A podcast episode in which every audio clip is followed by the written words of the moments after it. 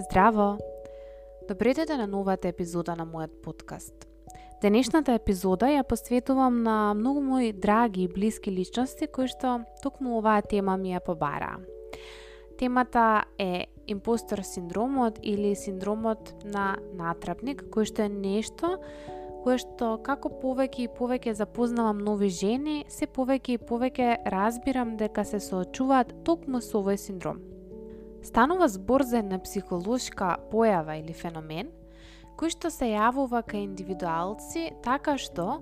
во нив се јавува чувство на двоумење и недоверба во себе, во своите таленти, во своите вештини или во своите достигнувања и покрај тоа што тие имаат реални докази дека се добри. Значи, овде станува збор за еден сомнеж во себе, И тие се плашат да бидат видени, да се пројават, да зборуваат пред маса на луѓе затоа што мислат дека другите ќе ги гледаат како измамници. Ова е спротивното од она што нарцисоидна личност го има, каде што пак има многу високо мислење за себе си и покрај тоа што доказите, па и не се баш така. Знаете, она кога некој ќе има премногу а, високо мислење за себе, ќе има премногу храброст и самодоверба, може би да прави работи, а реалност е дека во позадина ги нема тие поддршки. Импостер синдромот е нешто кое што е навистина многу често. Не секогаш точно се знае од каде доаѓа затоа што е многу индивидуална работа, но е феномен кој што најчесто се наоѓа кај жените, особено оние жени кои што имаат високи достигнувања. Повеќето истражувања се правени токму кај жени, но не значи дека не е присутен и кај мажите. Нешто што е забележано е дека многу често кај овие личности кои што го имаат овој синдром, постои некаква придружба на некакво друго ментално нарушување или состојба, како на пример депресија и анксиозност. Овие личности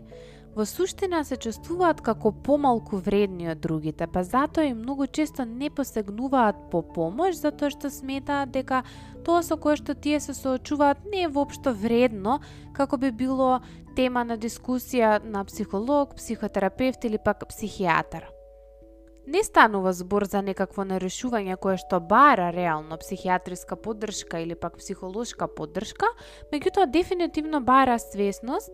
и многу психолози и психотерапевти зборуваат за овој импостор синдром или синдром на натрапник, затоа што и покрај тоа што не е класифицирана како некакво нарушување, сепак во позадината станува збор за ниска самодоверба, Ниско себе почитување и многу често може да се види како симптом на депресија.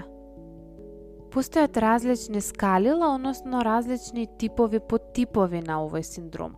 Секоја личност различно може да го доживува ова. Додека некоја жена може да го доживува тоа дека таа мора да биде специјална или да биде најдобра, што најчесто доаѓа од позадината и од воспитувањето, некоја може да ја има потребата да биде супервумен, значи супер жена или супер маж,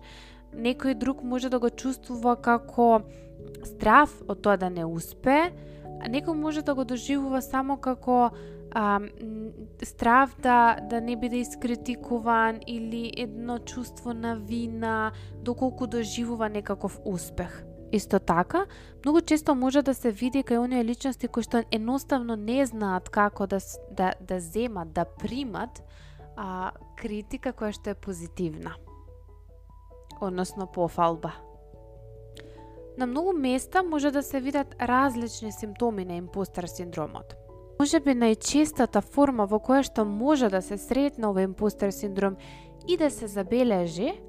е оној перфекционизам кој што го чувствуваат многу личности, односно тој оној вид што се јавува кај личности кои што сметаат дека освен ако не се апсолутно перфектни,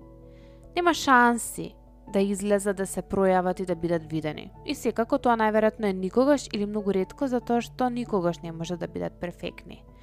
Перфекционизмот исто така е важно да знаете дека носи курани во анксиозноста, така што овие типови на перфекционисти многу често коренот го носат на во анксиозноста. Стравот може да биде и така што таа личност која што е перфекционист смета дека не е доволно добра како што другите личности ја гледаат, па токму затоа и не се пројавува. Друг многу чест тип на овој синдром е оној каде што некој кој што е експерт во одредено поле се чувствува како натрапник затоа што е свесен дека не знае се што може да знае, дека не прочитал се на таа тема. И тоа е токму она што произлегува од тоа сега знам дека ништо не знам или колку повеќе знаеме, сваќаме дека всушност многу малку знаеме додека скромноста секако е пожелна особина и е многу важна, особено во оној она поле каде што доаѓа некој експерт, затоа што и самиот експерт мора да знае дека секогаш постои нешто друго, постои друга вистина. Едноставно не секогаш може да биде во право, Меѓутоа, доколку се соочува со овој синдром на натрапник, многу често токму тој експерт или токму таа личност која што на вистина има многу квалитети да прави нешто, да менува живот и да помага, да работи нешто што е многу добро и нешто што го знае, не го прави затоа што смета дека ете и другите ке знаат дека не се сите книги прочитани или дека има некаков а, недоразвиен а, процес. Меѓутоа, оно што е многу важно е тука доколку се пронајдете да знаете дека станува само збор за а, синдром на натрапник, а не за реалност. Зошто? Затоа што не постои ниту една личност на планетава која што е совршен експерт. Експерт како збор повеќе доаѓа во маркетинг делот кога се употребува само за да се привлечат купци. Мислам дека тоа е многу важно да го знаете. Ако слушнете дека еј таа е експерт за тоа и тоа, тоа едноставно не е вистина. Друг тип се среќава, што не значи дека ќе се сретне сам по себе, може да се сретне и со првиот и вториот, некој може да ги има и сите овие делови, а тоа е кога некој што е природно високо интелигентен, се чувствува дека е натрапник и мисли дека не е доволно добар и покрај тоа што е природно интелигентен, компетентен, значи се докажал дека има се што му е потребно така натаму, затоа што може би му требало малку повеќе време да ја заврши задачата или пак да ја усоврши одредената вештина и во тој момент тој се чувствува како натрапник. Исто така, се среќава и оној тип, кај типови кои што мислат дека се мора сами да направат, па доколку побараат помош за да достигнат нешто или за да завршат некоја работа, да достигнат некаков некакво ново ниво, тие се чувствуваат како измамници Додека пак реалноста е дека ние не сме сами на овој свет и мораме да бараме помош и поддршка и менторства за да стигнеме некаде каде што сме. И тоа нема никаква врска со нашите компетенции и нашите вештини. И исто така, нешто кое што многу често го сретнувам, особено во нашата држава, затоа што мислам дека дел од воспитувањето е насочено кон тоа дека за да бидеме успешни треба многу да работиме,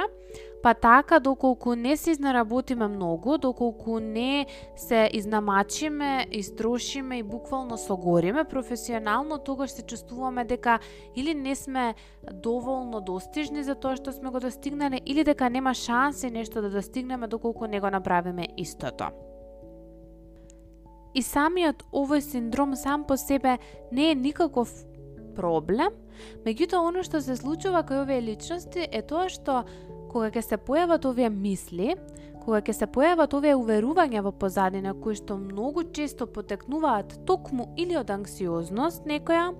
или од некоја депресивност, меѓутоа многу често од начинот на кој што се воспитани, од работите кои што буквално ги проголтале како што растеле и секако од општеството, кај овие личности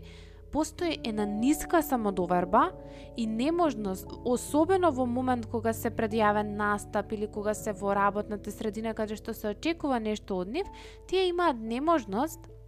да имаат перформанс кој што е во склад со нивните вештини и компетенција. Значи, тие не можат едноставно да се ги дофатат тие внатрешни а, вештини кои што ги имаат се во момент на страв, се знаат да се закочат и едноставно на кога ќе речат јас се смрзнав и не можев да кажам ништо,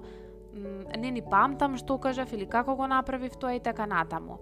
затоа што имаат страф дека другите ќе видат нешто во нив кое што не е добро, дека не се доволно добри, дека не знаат точно што да направат или дека другите ќе откријат дека тие не се толку добри како што мислеле.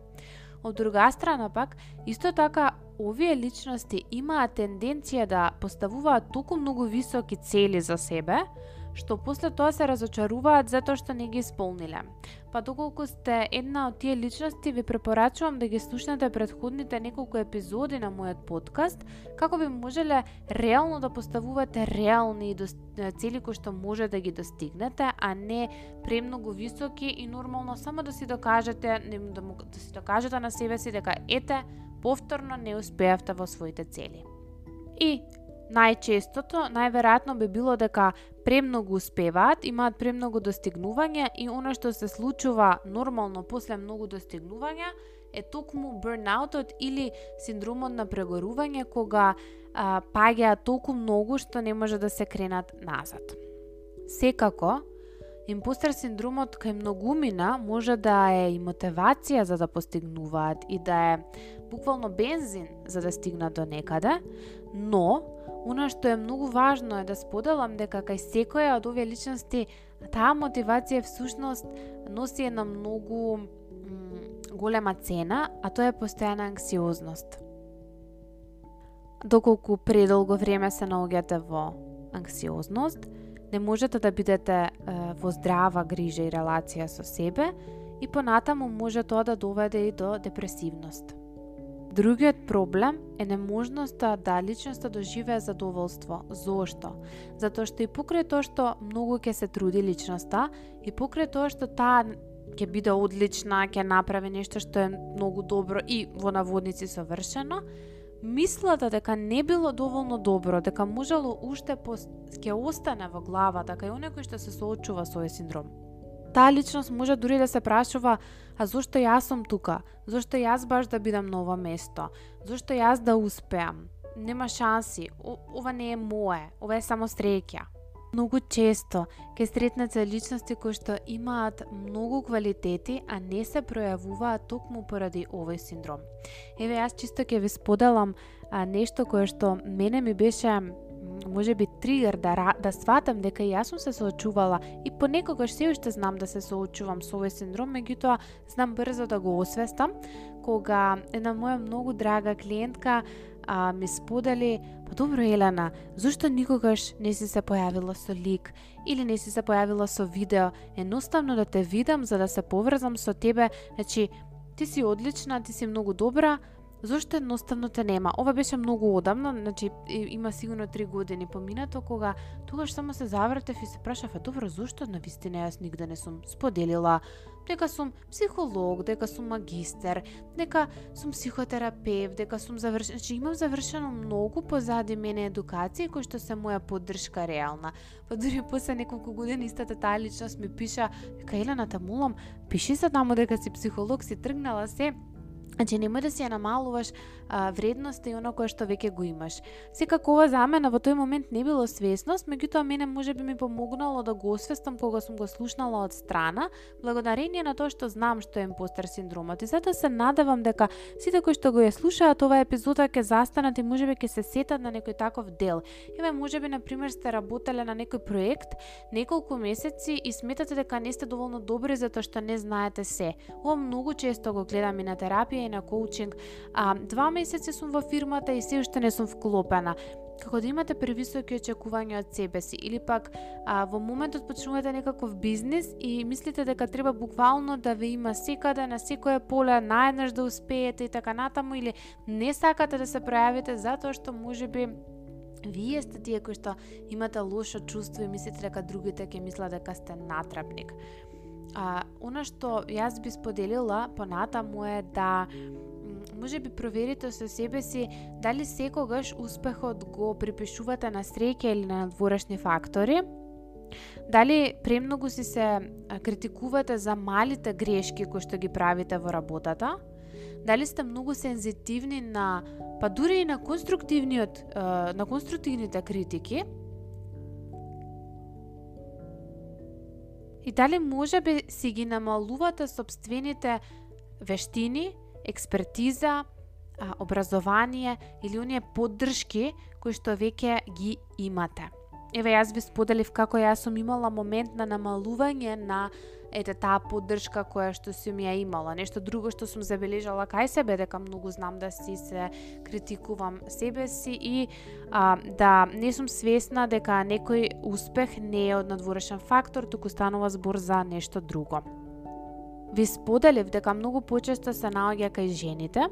И тоа се должи најверојатно на сите оние стереотипи кои што со кои што се соочуваме како жени со целони момент на неможност да бидеме доволно асертивни, па така и најчесто жените стануваат премногу пасивни. Мажите најчесто одат во агресија. Всушност асертивноста е една средина измеѓу пасивно и агресивно однесување, каде што не сме ниту агресивни, ниту пак премногу пасивни, се бориме за нашите потреби, се бориме за нашите права, желби и цели кои што ги имаме без притоа да ги повредиме другите. Значи грижа за себе, грижа и за тебе, но со многу здрави граници измеѓу. Жените најчесто се пасивни, најчесто молчат, најчесто се повлекуваат и не го чувствуваат тоа право да е, истапат напред и да заземат да си го заземат своето место. Најчестите причини се перфекционизам, каде што имаме премногу високи стандарди за себе кои што реално сами по себе го носат тоа чувство на неуспех, дури кога се постигнува успех затоа што постои таа постојана тенденција да се критикува и да се бара нешто кое што не е во ред. Не постои перфекција, не постои нешто што е совршено, идеално е нормално нели да целиме кон што што е можно да бидеме подобри така натаму, но да бидеме многу внимателни затоа што пре нагласениот перфекционизам ја носи таа анксиозност која што ја споделив. Друг дел кој што јас ке споделам дека а, и кај мене кога сум го гледала ова и затоа сакам и искуствено да ви го споделам еве искуствено овој синдромотерапевт како изгледа јас а, го надминав со психотерапија и го надминав а, со вежби кои што реално ги има во програмот асертивне и затоа го почнав и го направив затоа што многу ми помогна за овој дел семејно потекло. Односно, сите тие вежби освестување какво е моето потекло, какво е воспитувањето, кои се стереотипите во семејството и така натаму, точно разбрав зошто ова е нешто со кое што сум се соочувала и најверојатно на наврати во животот ќе ми се враќа, особено кога сум изместена, кога имам повеќе обврски или кога сум малку повеќе анксиозна. Значи, поединци кои потекнуваат од семејства каде што достигнувањата не биле ценети, односно биле а, како нормални. Или а, тие достигнувања биле ниски и мали,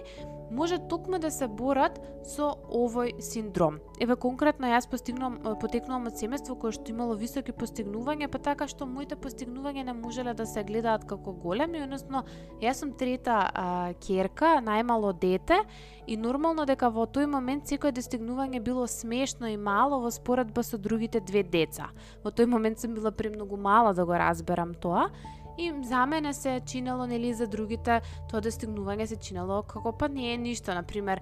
средната сестра била, најголемата била дипломирана, средната била матурантка, јас сум била полуматурантка, нели, полуматурата во тој момент за мене била и за останатите нешто многу смешно. За мене реално било нешто најголемо, меѓутоа за останатите било, било смешно. Ви го споделувам чисто како пример, може би да се размислите какво е вашето обкружување и што е оно во кое што сте растени, па може може би е корен и причина токму на овој синдром.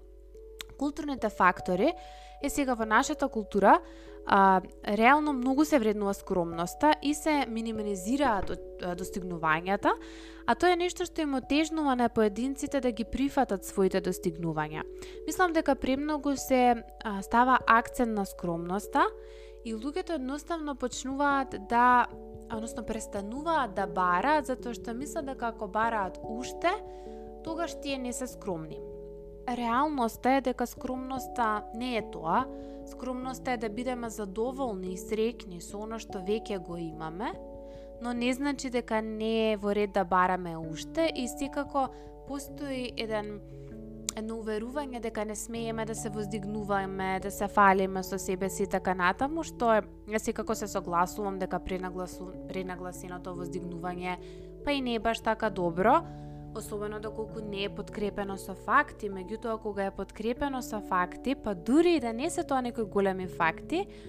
реалноста е дека таа скромност може да донесе до момент да ние не си ги славиме добрите и малите успеси, И тоа не само да не го донесе овој импостер синдром, туку буквално да не оштети од малите задоволства во животот и ние да можеме буквално да стигнеме во момент кога ништо веќе нема да направи задоволни. Мојата професорка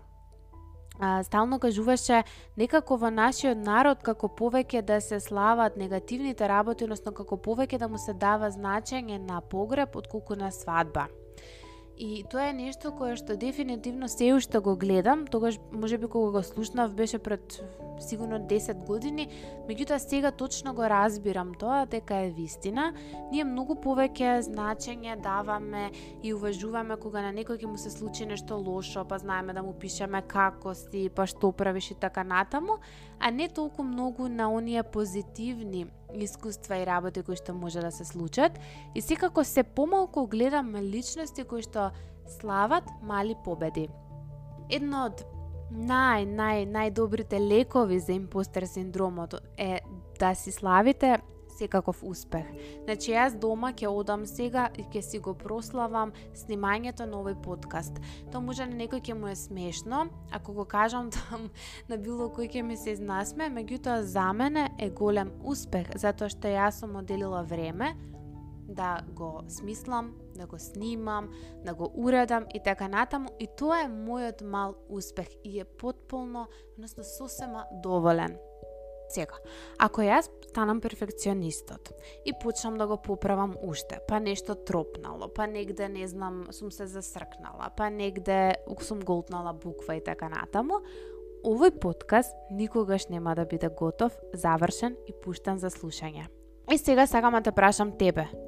Што е тоа кое што се уште го поправаш,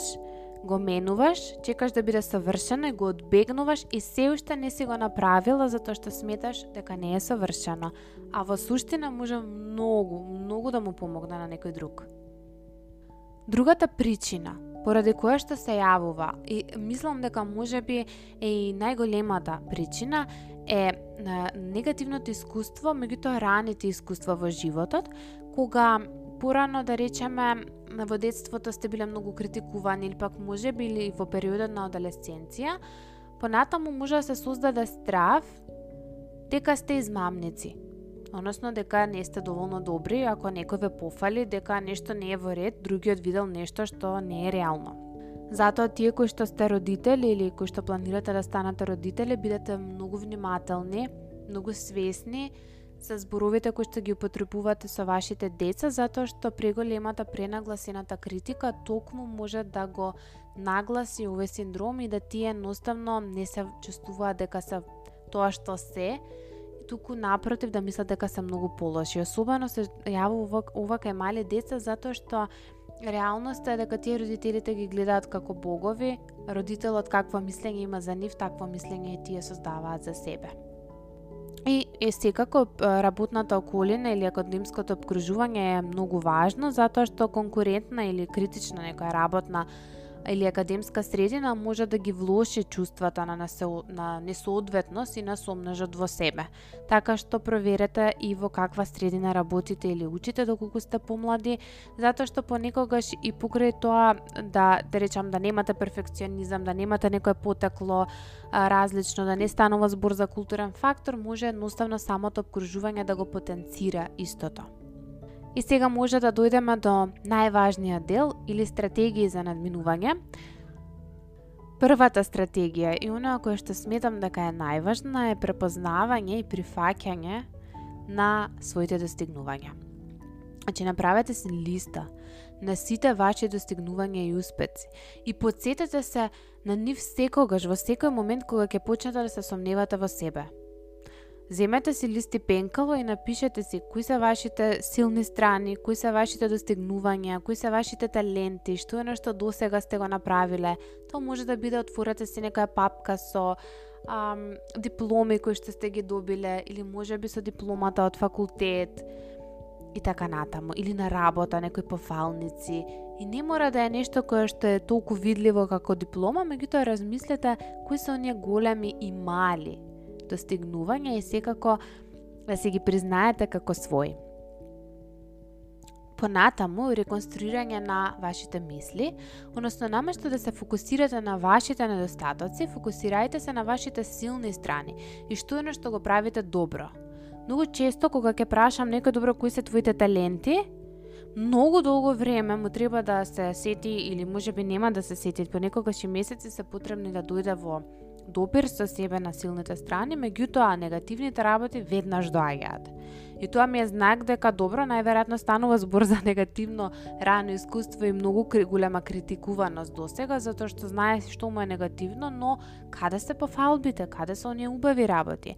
Значи, животот не е црно-бел, постојат многу бои, ние нормално дека имаме многу негативни работи, но имаме многу позитивни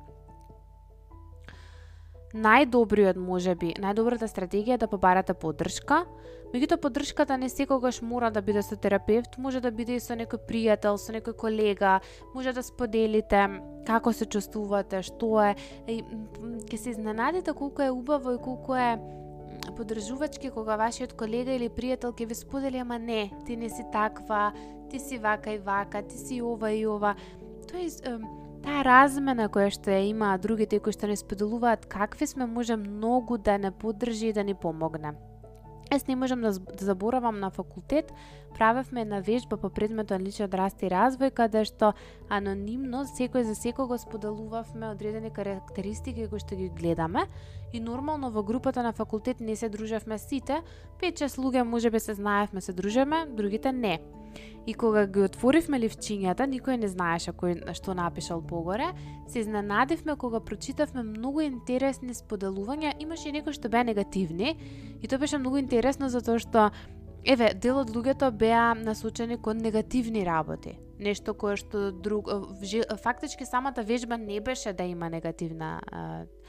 не, не, не беа негативни, него беа, например, ам, често го користиш тој збор, често се облекуваш вака и вака, меѓутоа сепак има некоја негативна нота, а самата вежба беше поентата да биде позитивна. И нормално 90% беа позитивни и сите се изненадивме кога ги отворивме ливчињата да видиме како другите гледаат на нас, колку всушност понекогаш имаме искривена перцепција или не сме свесни за нашите таленти, позитивни страни кои што ги имаме. И нормално и тие критики, тие 10% критики беа примени многу убаво, затоа што дојдоа како, аха, супер, значи имаме во групата и некој кој што, ете, знае да искритикува, знае да сподели, знае да види нешто што не е во ред, може би е понегативен и така натаму, па потоа се случи на вмрежување, јас ти го напишав тоа, јас ти го напишав тоа, па јас го освестив ова за тебе, јас го освестив она за тебе. И тие што пишуваа негативни работи, всушност самите да имаа многу